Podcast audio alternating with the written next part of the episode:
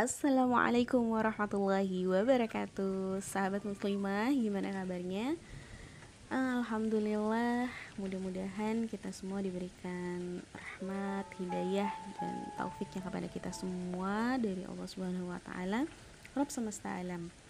Sehingga kita bisa lancar ya dalam melaksanakan aktivitas dan rencana harian kita.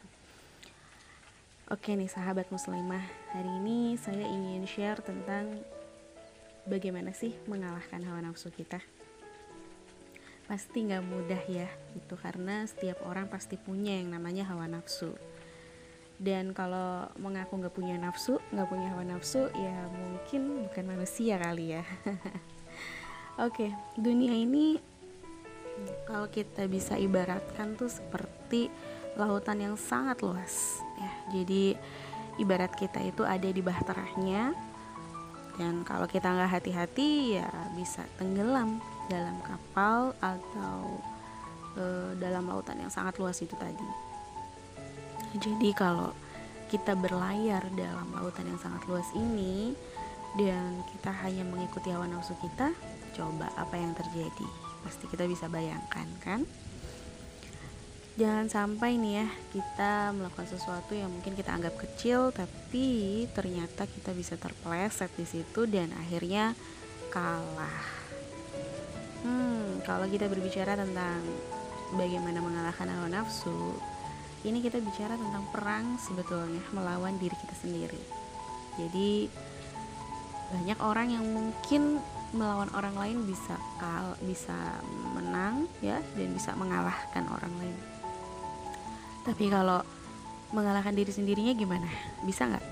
Nah, ini uniknya nih ya. Kenapa kita kadang suka berandai-andai, kita menginginkan ini, menginginkan itu, kalau saja seperti ini, kalau saja begitu. Pengandaian-pengandaian ini kalau kita bisa bilang sebenarnya ini adalah bisikan setan loh. Yang terkadang ini menakut-nakuti kita akan sesuatu yang mungkin kita khawatirkan atau bahkan itu menjanjikan sesuatu yang kita inginkan. Jadi memang harus hati-hati sih ya karena kalau dalam Quran surat Ali Imran ayat 14 kita diajarkan untuk waspada selalu dengan godaan syaitan yang terkutuk. Kenapa sih kita harus waspada? Ya karena memang sejatinya kita semua hidup sebagai manusia itu punya yang namanya jin penyerta atau korin. Dan dia selalu menemani uh, di mana pun kita berada dan kapan pun itu. Jadi nggak ada tuh manusia yang kemudian tidak ada dua penyerta di sampingnya. Yang satu jin dan yang satu malaikat. Kita tahu ya tugasnya malaikat adalah mencatat semua amalan merekam semua yang kita lakukan semua yang kita katakan kebayang nggak? Selama ini kita mungkin merasa bahwa ketika kita sendirian di ruangan yang mungkin nggak ada orang lain di sana kita merasa ya yang tahu kita aja gitu. Tapi faktanya malaikat itu ada. Malaikat itu menyaksikan dan malaikat itu mencatat apa yang kita lakukan. Ah, kalau seandainya malaikat itu ditampakkan, mungkin kita nggak jadi kali ya melakukan maksiat dalam keadaan sendiri-sendiri. Masya Allah, subhanallah, Allah akbar. Nah, selain malaikat, kita juga punya jin penyerta yang disebut dengan korin. Terus, korin ini ya bisa sebagai penggoda juga ya, yang membuat kita akhirnya ingin melakukan maksiat karena tugasnya jin korin ini menghiasi kemaksiatan gitu jadi bisa jadi suatu amal atau suatu aktivitas itu dia tergolong fahisya perbuatan yang keji. Tapi korin ini seperti punya belalai gitu yang ada di dada manusia. Jadi korin itu bisa tahu kapan kita itu ingat Allah kapan kita itu bisa lalai abai dan kapan kita bisa malas gitu ya. Sehingga dia nanti akan tahu gimana caranya menggoda kita, bagaimana caranya menyerang kita. Dia udah tahu banget tentang kita, dia bisa membaca hati kita. Gitu. Kenapa kemudian Korean itu bisa berhasil menggoda kita? Iya betul, karena kita punya hawa nafsu. Gitu. Jadi kalau kita lagi lupa atau kita lagi lalai, lagi males, lagi mager-mageran, nah jin itu muncul coba kalau kita lagi soleh-solehnya banget nih kemudian kita lagi takut sama Allah jinnya ke mana? Jinnya bisa jadi ngumpet ya. Dia bersembunyi karena dia takut sama orang yang beriman yang ikhlas kepada Allah. Jadi memang kita harus hati-hati sih menjalani kehidupan ini. Ya ibarat kita itu sedang berjalan di area yang penuh dengan duri. Jadi kalau kita hati-hati pasti kita kena ketusuk di situ. Dan rasanya ketusuk tuh sakit ya. Mungkin kita berpikir ya udah sih dunia ini dijalankan sesuai dengan keinginan kita aja gitu kan tapi kalau kita hanya berpikir jalanin hidup begitu aja sesuai dengan apa yang kita rasa, sesuai dengan persepsi kita aja, uh, bahkan sesuai dengan hawa nafsu kita, ya jangan salahkan ya kalau kemudian nanti kita terjerumus sendiri. Kenapa? Karena kita sendiri yang nggak pernah hati-hati sama hidup kita. Padahal manusia itu udah diciptakan dengan segenap potensinya loh, atau yang kita kenal dengan tokatul hayawiyah apa itu tokatul hayawiyah? Tokatul hayawiyah itu adalah potensi kehidupan di mana setiap manusia itu punya tiga elemen. Yang pertama adalah hajatul udawiyah. Hajatul udawiyah itu adalah kebutuhan jasmani. Jadi nggak ada kan manusia di sini yang nggak butuh makan, minum, tidur, ya buang air besar dan sebagainya nggak ada kan. Coba dirasakan ketika kita merasa kebelet gitu ya pengen buang air kecil terus kita tahan terus gitu dan kita nggak nggak melampiaskan atau nggak memenuhinya gitu apa yang terjadi pasti sakit kan entah itu nanti uh, kena kencing batu dan sebagainya gitu kan jadi kalau uh, kebutuhan jasmani itu nggak dipenuhi pasti akan menyebabkan kepada kematian. Banyak orang yang mungkin berpikir uh, badannya gemuk gitu ya atau udah melebihi kapasitas atau kita sebut obesitas gitu. Terus akhirnya pengen diet. Hati-hati gitu ya dengan diet karena kita ingin mendapatkan tubuh yang langsing dan sebagainya.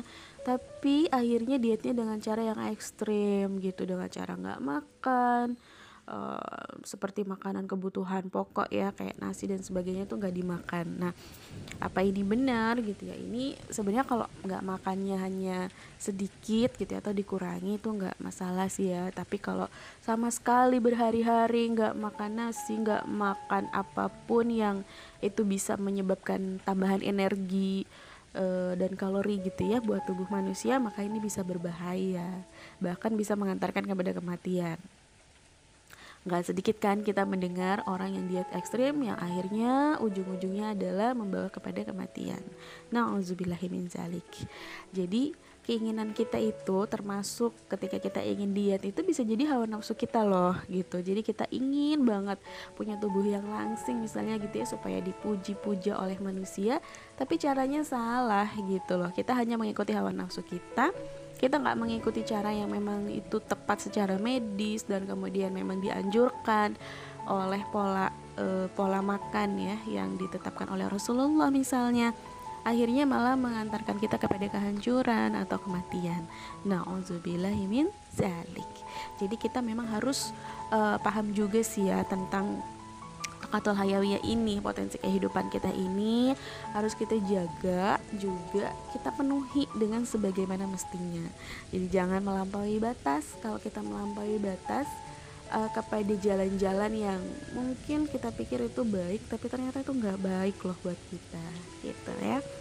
Nah yang kedua selain hajatul udawiyah itu kita juga punya yang namanya gharizah atau yang kita sebut dengan naluri. Di dalam Islam Goriza itu nanti terbagi menjadi tiga. Yang pertama ada yang namanya Goriza Nau.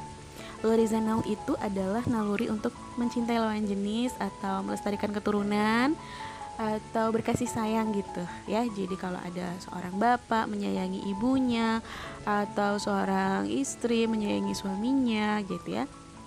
Nah ini adalah penampakan dari Goriza Now atau naluri berkasih sayang. Nah jadi apakah setiap manusia itu punya Goriza ini? Tentu dia punya Goriza Now ini gitu. Kalau kemudian uh, ada manusia ini yang merasa bahwa ah nggak perlulah gitu menyayangi orang lain atau nggak perlulah uh, menikah gitu kan? Kenapa? Karena menikah itu bikin ribet misalnya. Atau karena dengan menikah itu nanti bisa mengekang hak asasi dia atau mengekang kebebasan dia, kebebasan berekspresi dan sebagainya. Nah, biasanya yang punya pendapat ini adalah kaum feminis gitu. Ya jadi banyak perempuan-perempuan di luar sana yang merasa dengan dia meniti karirnya dengan dia uh, bekerja mengejar cita-citanya mimpinya gitu ya dia merasa bahwa pernikahan itu akan mengekang dia. Nah ini adalah pandangan-pandangan kaum feminis ya. Yang seperti ini dibenarkan gak sih? Nah ternyata uh, setiap manusia itu punya gharizah nau tadi ya atau naluri untuk dia berkasih sayang, dia mencintai lawan jenisnya dan sebagainya. Itu sudah menjadi tokatul hayawiyah atau sudah menjadi potensi setiap manusia yang hidup. Jadi nggak bisa yang namanya dimusnahkan. Dia pasti ada gitu. Jadi kalau kemudian kita berusaha untuk nggak e, menjalankan kodrat kita sebagai seorang perempuan yaitu menikah melestarikan keturunan ya dengan bereproduksi dan seterusnya gitu ya sebenarnya kita sudah salah langkah nih gitu kenapa karena kita sudah membatasi ya keturunan itu bahkan e, dari pemikiran aja gitu. Jadi dari ide atau pemikiran kita itu kita sudah membunuh anak-anak kita sebetulnya. Kenapa? Karena belum melahirkan pun, anaknya belum ada pun gitu ya, bahkan mungkin belum diproses pun, tapi ide yang ada di dalam kepala kita itu sudah membatasi dan membunuh calon-calon bayi yang akan kita lahirkan kelak. Masya Allah ya. Jadi kalau uh, kita punya pemikiran pun kita harus jaga jangan sampai pemikiran-pemikiran kita itu mengikuti hawa nafsu kita hanya sekedar keinginan kita aja gara-gara ingin mengejar karir ya kan gara-gara ingin mengejar mimpi tapi ternyata malah menyalahi kodrat kita sendiri sebagai seorang perempuan. Nah ini bahaya loh gitu. Banyak orang yang mungkin merasa ya biarin aja dong. Itu kan uh, kebebasan dia. Itu kan hak asasi dia untuk berekspresi untuk bebas. Kita hidup di negara demokrasi jadi silahkan aja setiap orang punya pendapat masing-masing. Oke kalau dari situ kita berpikir bahwa setiap orang punya kebebasan berekspresi mengekspresikan dirinya mau bertingkah laku seperti apa. Oke betul ya bahwa setiap manusia juga punya ikhtiari punya pilihan untuk melakukan apa pun dalam kehidupan ini. Tapi saya cuma mau mengingatkan bahwa hidup kita ini pasti akan ada masanya di mana semuanya itu akan dihisap, akan dihitung. Apa sih yang sudah kita lakukan, apa yang kita pikirkan, dan apa yang kita putuskan untuk hidup kita, bagaimana kita menjalankan naluri-naluri yang kita punya yang telah dititipkan oleh Allah itu, apakah kita mencegatnya ya dengan cara uh, pola berpikir ala feminis tadi ataukah kita menjalankannya sesuai dengan titahnya Allah Subhanahu wa taala. Nah, itu baru contoh yang pertama ya. Yang kedua adalah Goriza Bako. Goriza Bako itu adalah naluri untuk mempertahankan diri. Jadi, misalnya kita ingin berprestasi atau kita uh, tidak suka ya dimaki oleh orang lain atau kita tidak suka uh, dipukul atau misalnya ketika kita dicemooh oleh orang lain kita ingin membalas. Nah, itu adalah bagian dari kita ingin mempertahankan diri. Kalau dalam dunia psikologi itu ada ya yang namanya mekanisme pertahanan ego jadi banyak banget tuh uh, apa contoh-contohnya ya bagaimana kita ingin mempertahankan ego kita atau diri kita sendiri gitu. Ya dalam arti kita punya keinginan tertentu ingin berprestasi ingin dipuji itu juga bagian loh dari mempertahankan diri kita. Atau misalnya kita merasa kita insecure atau kita merasa kita nggak aman jadi lebih baik kita menghindar misalnya begitu ya. Itu juga bagian dari mempertahankan diri. Jadi uh, Wariza Bako itu sebenarnya banyak banget penampak penampakannya tuh banyak banget. Cuman setiap orang tuh bisa berbeda-beda. Nah berbeda-bedanya ini sebenarnya sih yang penting adalah kita tahu bahwa ini penampakan dari Goriza Bako dan Goriza Bako itu nggak salah. Yang salah itu adalah bagaimana kalau kita memenuhi Goriza Bako tadi dengan cara-cara yang nggak tepat atau yang nggak sesuai dengan syariat Nah, di situ ya, jadi kita memang benar-benar harus banyak belajar sih gitu. Gimana caranya kita e, menjalankan kehidupan ini ya dengan berbagai macam gorizah yang kita miliki, salah satunya gorizah bakok tadi, tapi tetap nggak keluar dari koridor syarat. Nah, yang ketiga nih, ada yang namanya gorizat adayun yaitu naluri untuk mengagungkan sesuatu ya. Sesuatu ini kita anggap sesuatu yang lebih besar daripada kita lebih agung lebih hebat daripada kita ya biasanya kita mengagungkan sesuatu di sini adalah mengagungkan Allah Subhanahu wa taala atau yang kita sebut sebagai sang pencipta atau Tuhan. Terus gimana dengan orang-orang yang ateis? Nah, ini memang pertanyaan yang sangat uh, pas ya gitu karena orang kalau disebut ateis itu kan berarti tidak mengakui adanya Tuhan dia nggak percaya bahwa di dunia ini tuh ada sang pencipta yang menciptakan dirinya nah kalau teman-teman kemudian uh, suka ya uh, dengan ilmu pengetahuan biasanya sih orang orang-orang ilmuwan yang benar-benar mendewakan ilmu itu bisa saja mengatakan kepada ateis. Mungkin ada yang kenal di sini Stephen Hawking misalnya atau ya kita tahu aja lah Aristoteles, Plato dan sebagainya. Itu mereka-mereka itu adalah ilmuwan, mereka adalah orang yang suka mempelajari ilmu pengetahuan. Tapi pada faktanya mereka merasa bahwa ilmu itu uh, sebagai suatu dewa atau sebagai suatu Tuhan yang nggak bisa disandingkan dengan apa pun gitu. Makanya ada ya suatu film tuh namanya The Theory of Everything gitu. Jadi teori atas segalanya. Jadi seakan-akan segala sesuatu yang terjadi dalam kehidupan ini tuh ada teorinya atau ada ilmunya. Makanya kenapa ilmu itu jadi dituhankan gitu loh. Makanya Tuhan itu seperti nggak ada sebagai suatu kemustahilan gitu kan. Karena apa karena dalam kehidupan ini semuanya itu kayak ada polanya ada teorinya dan itu semua bisa di, dipecahkan gitu kan dengan ilmu pengetahuan. Wah nauzubillah ya. Jangan sampai kita punya pemikiran kayak gini gitu. Tapi balik lagi nih gimana dengan orang-orang yang ateis tadi? Apakah mereka nggak punya yang namanya gorizah tadayun itu? Nah ternyata nggak juga ya. Jadi oke okay, gorizah tadayun itu adalah naluri kita untuk melakukan sesuatu. Tapi bentuknya nggak harus eh, nggak uh, mesti itu adalah Allah. Kalau orang muslim pasti dong mengagungkan sesuatu di sini adalah Allah ya disebut kafir kalau kemudian e, seorang muslim katanya muslim ya KTP-nya muslim tapi ternyata nggak mau beribadah kepada Allah nggak mau mengagungkan Allah. Ya kita lihat banyak kan orang yang KTP-nya Islam tapi ternyata nggak mau sholat. Atau KTP-nya Islam tapi ternyata disuruh untuk taat kepada hukum syahara enggan-engganan nah banyak banget kan fakta seperti itu.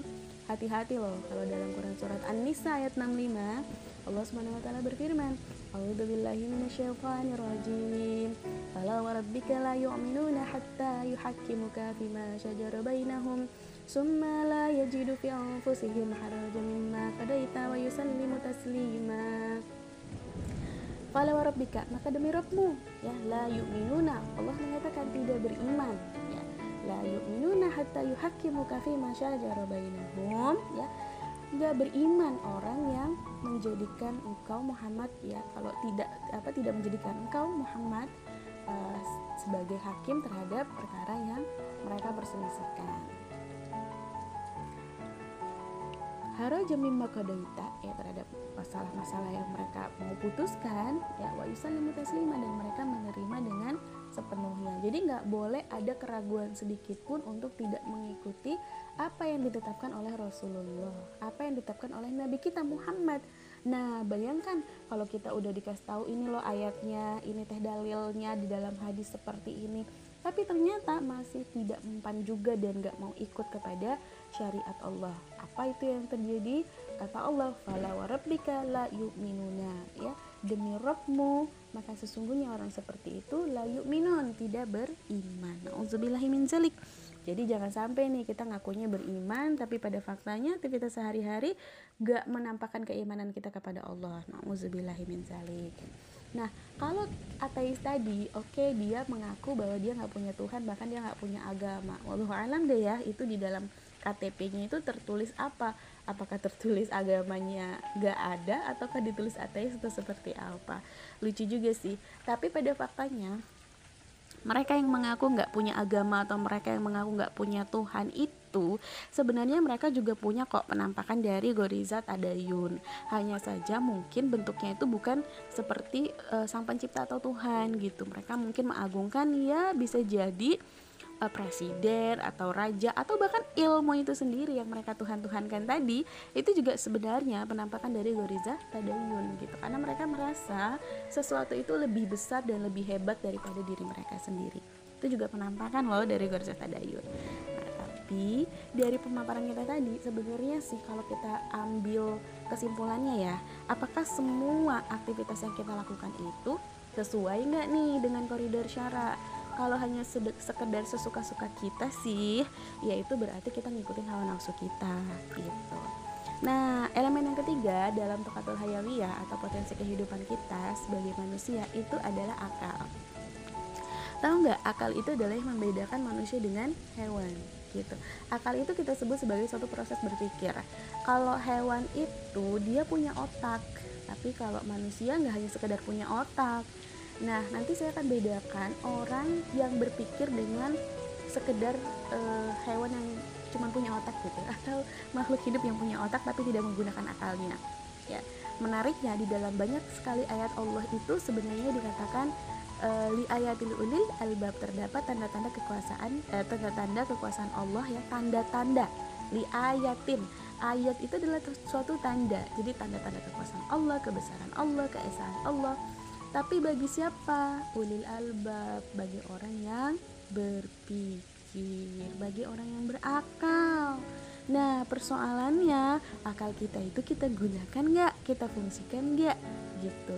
Karena akal itu mensyaratkan adanya empat komponen apa saja? Yang pertama adalah fakta atau masalah itu sendiri. Atau ya kita katakan sesuatu lah gitu ya. Yang kedua adalah indera. Kita punya indera itu ada panca indera ada lima indera. Ada indera melihat dengan mata ada indera mencium ya dengan hidung mengecap atau merasa ya dengan lidah kemudian eh, tangan kaki bergerak gitu kan. Indera pendengaran dengan telinga dan seterusnya. Nah, artinya untuk kita bisa mencerap atau kita e, bisa mengetahui suatu fakta, kita bisa menggunakan panca indera kita. Entah panca indera kita itu dengan kita melihatnya ataukah kita membauinya gitu ya atau merasakannya dengan lidah misalnya supaya kita tahu rasanya seperti apa.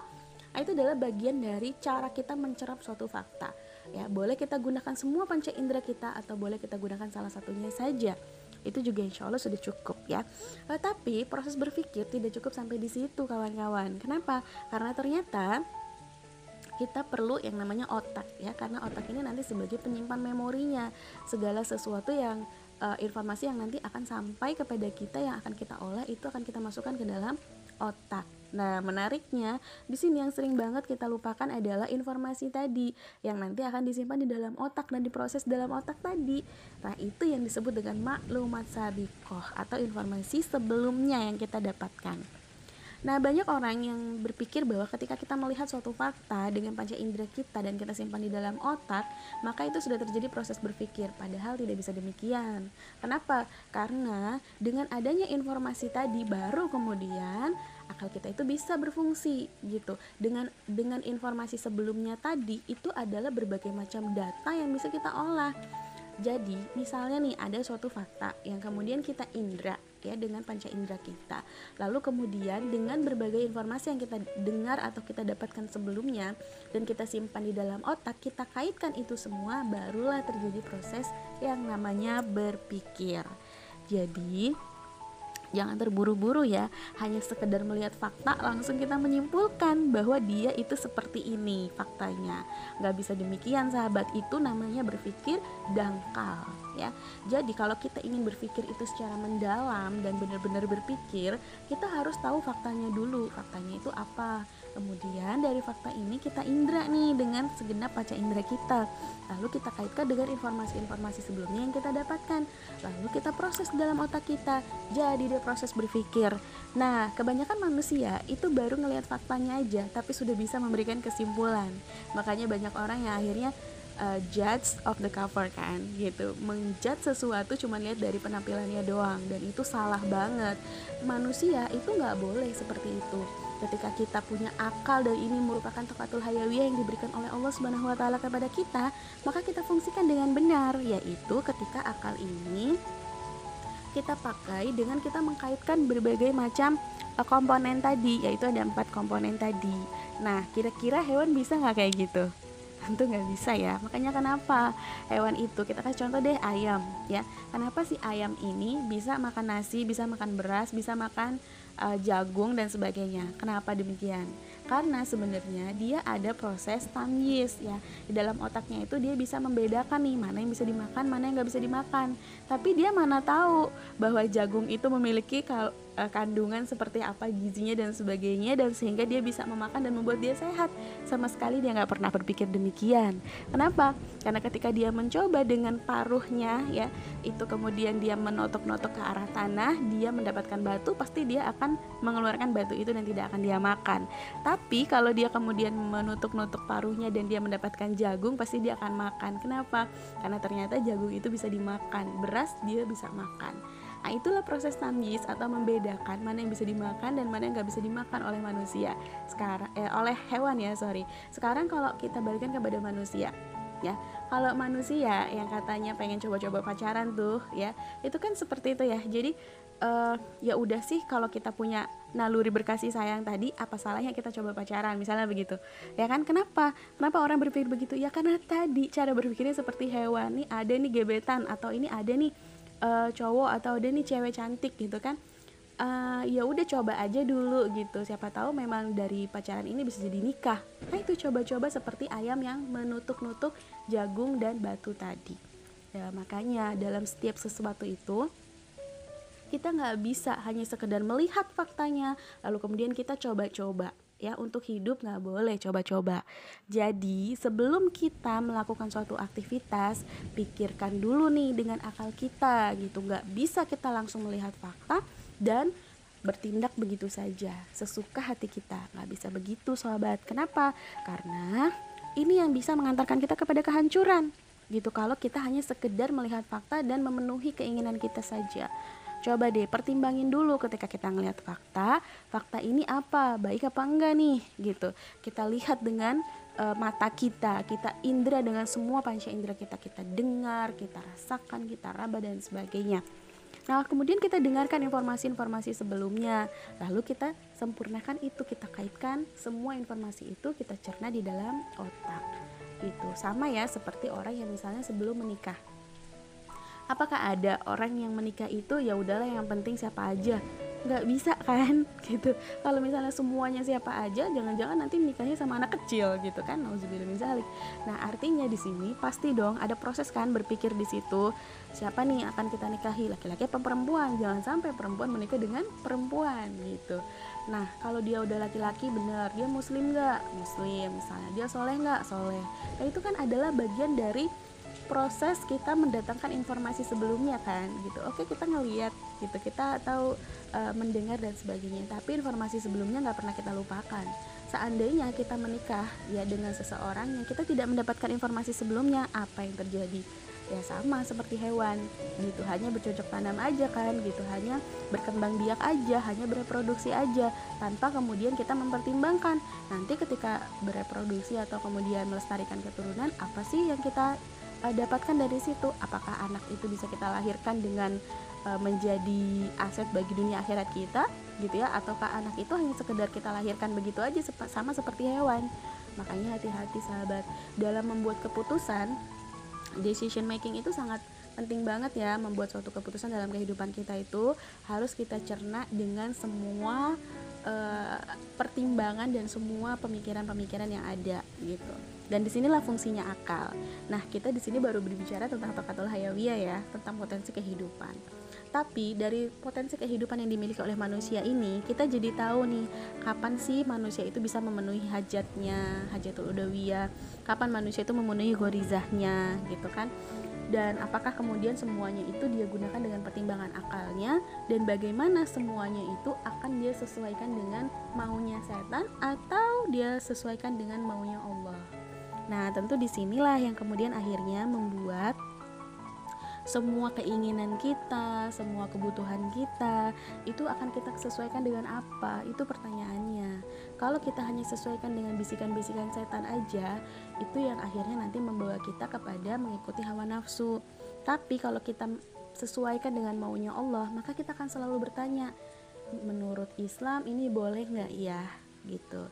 Katakanlah nih kita punya masalah nggak punya uang atau misalnya butuh uang untuk suatu kebutuhan ya. Terus gimana cara menyelesaikannya? Pasti banyak orang berpikir instan ya udah sih pinjam aja uang di bank misalnya begitu.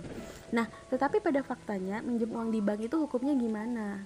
Nah yang bisa memikirkan tentang hukum Islam bagaimana meminjam uang di bank itu adalah akal kita yang menstandarkan dengan syariat.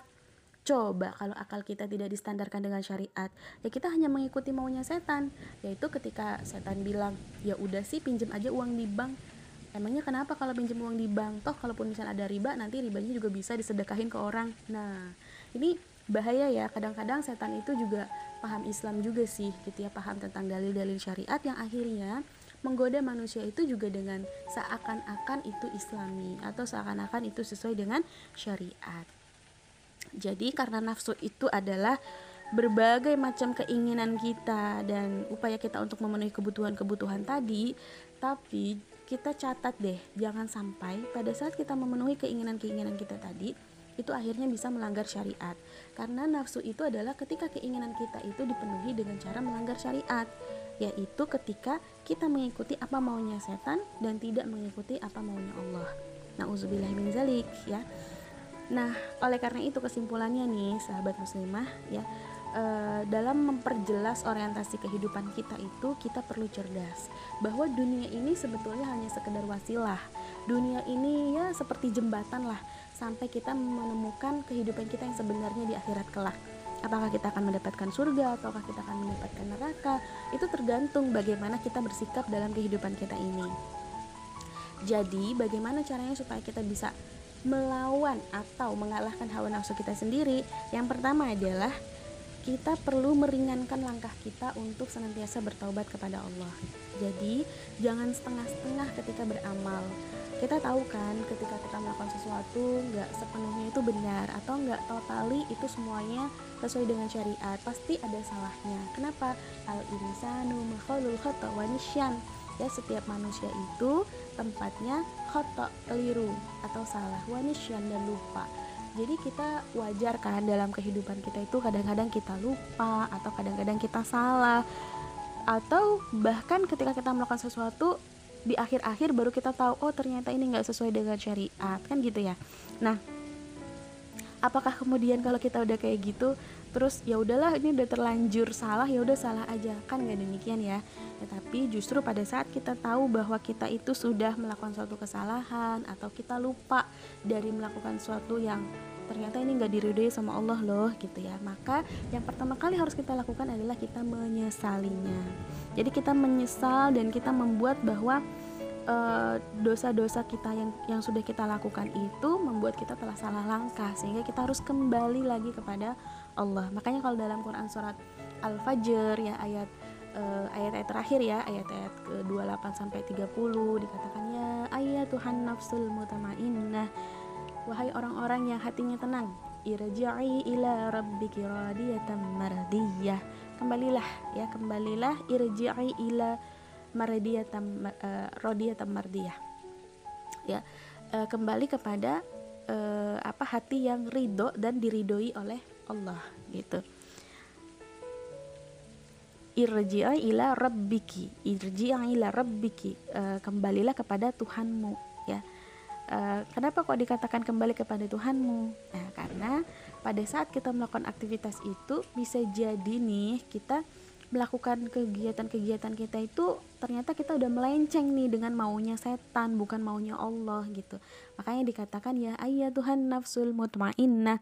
Wahai orang-orang yang hatinya tenang ayo kembali kepada Robmu ayo kembali kepada hati yang diridhoi oleh hati yang ridho kepada Allah dan hati yang diridhoi oleh Allah gitu.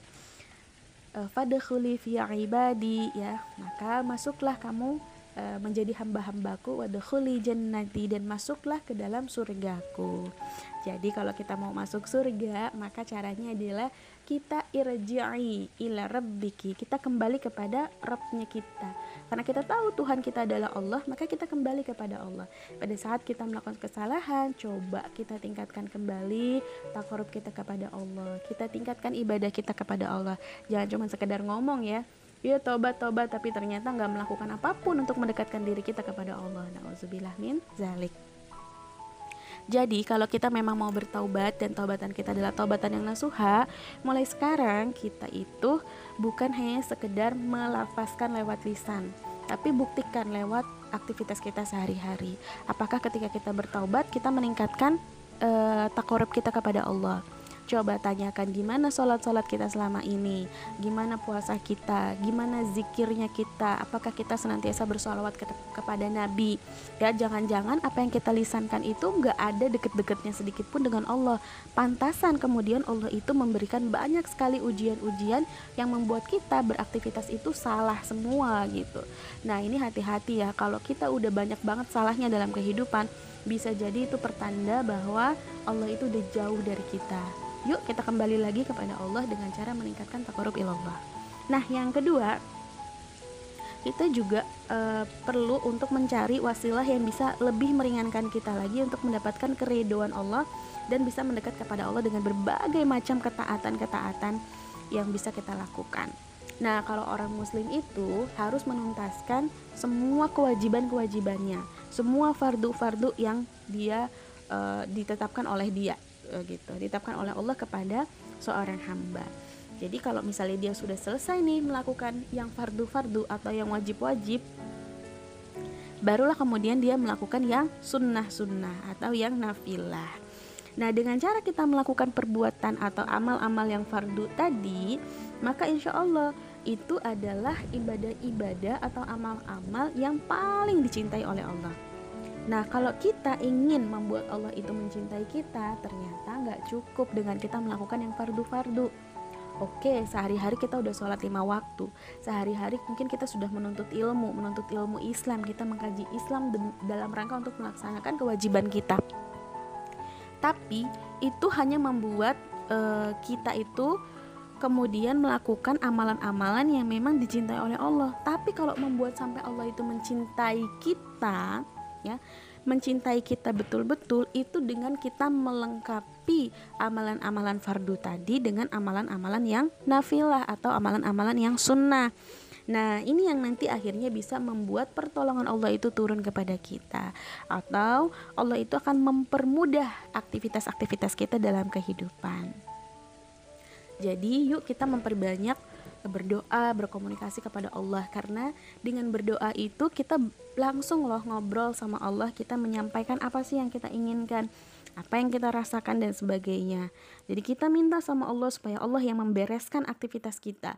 Jangan kita merasa bahwa kemampuan kita, kecerdasan kita itulah yang kemudian membuat aktivitas kita menjadi beres. Enggak sama sekali sahabat. Kenapa? Karena serumit apa pun masalah yang kita hadapi, itu insya Allah akan bisa selesai selagi kita menyerahkannya kepada Allah. Mungkin lewat ikhtiar kita sehari-hari kita memang melakukannya ya melaksanakan atau menyelesaikan aktivitas itu. Tapi atas berkat pertolongan Allah sajalah kemudian aktivitas itu bisa menjadi lebih mudah untuk kita lakukan. Jadi jangan sampai lupa untuk meminta pertolongan dari Allah Subhanahu wa taala. Nah jadi konsepnya kalau kita kemudian mau melakukan suatu aktivitas yang itu tergolong kepada maksiat ya, berarti itu udah tanda-tanda tuh kita jauh dari Allah. Nah, itu udah menjadi suatu alarm untuk kita balik lagi mendekat kepada Allah Subhanahu wa taala ya. Dan yang penting banget nih untuk kita ingat bahwa hawa nafsu itu sebenarnya adalah kodar dari Allah. Jadi dia memang sudah diciptakan oleh Allah. Jadi jangan sampai ketika kita melakukan suatu aktivitas yang salah ya atau maksiat atau dosa gitu kita menyalahkan hawa nafsu kita gitu. Kenapa? Karena hawa nafsu itu memang sudah diciptakan oleh Allah dan hawa nafsu itu jangan sampai kemudian kita berpikir ya gimana sih caranya hawa nafsu ini supaya disingkirkan atau dibunuh? gitu.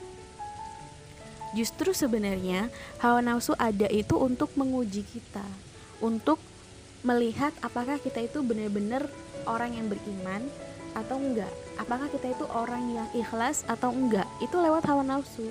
Jadi hawa nafsu itu hanya sekedar kodar kayak sekedar ya ibarat kata kayak wasilah gitu untuk menentukan apakah kita beriman atau enggak. Jadi jangan salahkan hawa nafsunya. Tapi kita nih sendiri apakah kita memilih untuk mengikuti hawa nafsu ataukah kita mengikuti jalan Allah? Makanya kalau dalam Quran surat Al-Baqarah ayat 208 dikatakan Ya ayyuhalladzina amanu dakhulu fis-silmi kafah. Hai orang-orang yang beriman, masuklah ke dalam Islam itu secara kafah. Nggak boleh sebagian-sebagian. Jangan masuk Islam di bagian ini tapi di bagian sebelah sana nggak mau ikut ajaran Islam, ya. Wala tattabi'a dan janganlah kamu mengikuti langkah-langkah setan. gitu langkah-langkah setan ini langkah-langkah yang gimana? Ya tadi yang mengikuti hawa nafsu. Akhirnya kita terjerumus kepada kemaksiatan-kemaksiatan. Jadi kalau kita ingin mengotori aktivitas-aktivitas kita ya udah hiasi aja aktivitas dengan kemaksiatan. Tapi kalau kita ingin mensucikan kembali aktivitas kita, keseharian kita, hidup kita, maka warnai aktivitas kita sehari-hari itu dengan ketaatan-ketaatan kepada Allah Subhanahu wa taala. Nah, di sini sebagai penutup nih ya, semoga kita semua menjadi orang-orang yang mampu untuk melawan dan mengalahkan hawa nafsu kita sehingga nanti ketika di akhirat malaikat-malaikat itu berkumpul dengan mengatakan salamun alaikum bima sobartum. Keselamatan atasmu berkat kesabaranmu. Kenapa? Karena ternyata meninggalkan maksiat itu butuh kesabaran loh. Menjalankan ketaatan itu juga butuh kesabaran. Jadi memang gak mudah sih untuk mengendalikan hawa nafsu kita itu ya gak mudah hawa nafsu itu kita lawan gitu memang yang bisa kita lakukan hanya mengendalikan hawa nafsu kita ya ingat nafsu kita itu kita yang ngedrive kita yang mengendalikan hawa nafsu kita. Kita yang nyetir hawa nafsu kita ke mana. Jangan sampai kita yang dikendalikan oleh hawa nafsu itu sendiri. Gitu. Jadi supaya kita juga punya uh, keberhasilan ya dalam aktivitas dan amal-amal kita dalam kehidupan sehari-hari maka kita menentukan sendiri. Kita yang nge-sharp ya kita yang ngebentuk gimana caranya kita beramal apakah kita amalnya itu mau kita bawa kepada jalan-jalan orang yang bertakwa ataukah kita membawa amal-amal kita itu ke jalan orang-orang yang fujur, orang-orang yang keji, orang-orang yang suka berbuat maksiat. Nah, itu adalah pilihan bagi kita sendiri. Jadi nggak ada di dunia ini yang abu-abu ya, nggak ada yang jalan tengah. Semuanya itu adalah tentang ketaatan atau tentang kemaksiatan. Jadi kalau kita memilih jalan taat, ya insya Allah hawa nafsu kita bisa kita kendalikan dalam rangka kita taat kepada Allah. Tapi kalau kita memilih jalan fujur, memilih jalan orang-orang yang keji, ya mau bagaimanapun kita ngomong tetap aja hawa nafsu itu akan kita arahkan kepada jalan orang-orang yang keji. Akhirnya kita nggak peduli lagi bagaimana agama kita berbicara. Kita nggak peduli lagi tentang apa maunya Allah. Yang kita pedulikan adalah jalan yang fujur tadi, jalan orang-orang yang keji, jalan orang-orang yang suka bermaksiat kepada Allah. Ini tentu berbeda. Jangan pernah mencampur adukan jalan yang fujur dengan jalan yang takwa. Jalan orang-orang yang keji tentu berbeda dengan jalan-jalan orang yang takwa. Jadi tentukan pilihanmu dari sekarang ya. Jangan sampai kita salah memilih jalan akhirnya menyesal di akhirat nanti. Wallahu alam bisawab. Semoga bermanfaat. Ihdina siratal mustaqim. Billahi taufiq wal hidayah waridha wal inayah. Wassalamualaikum warahmatullahi wabarakatuh.